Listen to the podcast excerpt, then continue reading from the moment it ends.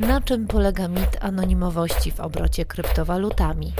Jakich przestępstw na rynku kryptowalut dopuszczają się oszuści i jakie stosują socjotechniki? Na co zwrócić uwagę, aby inwestując w kryptowaluty nie zostać ofiarą wyłudzenia? Co zrobić, jeśli podejrzewamy, że mamy do czynienia z próbą oszustwa? Jak najlepiej chronić środki zgromadzone w portfelu kryptowalutowym? Między innymi na te pytania odpowiadają nasi eksperci. Oficerowie operacyjni Centralnego Biura Śledczego Policji oraz Jany Ziomek z Urzędu Komisji Nadzoru Finansowego w naszym drugim podcaście o kryptowalutach w ramach policyjnego cyklu rozmów z ekspertami o bezpieczeństwie Wspólnie Bezpieczni.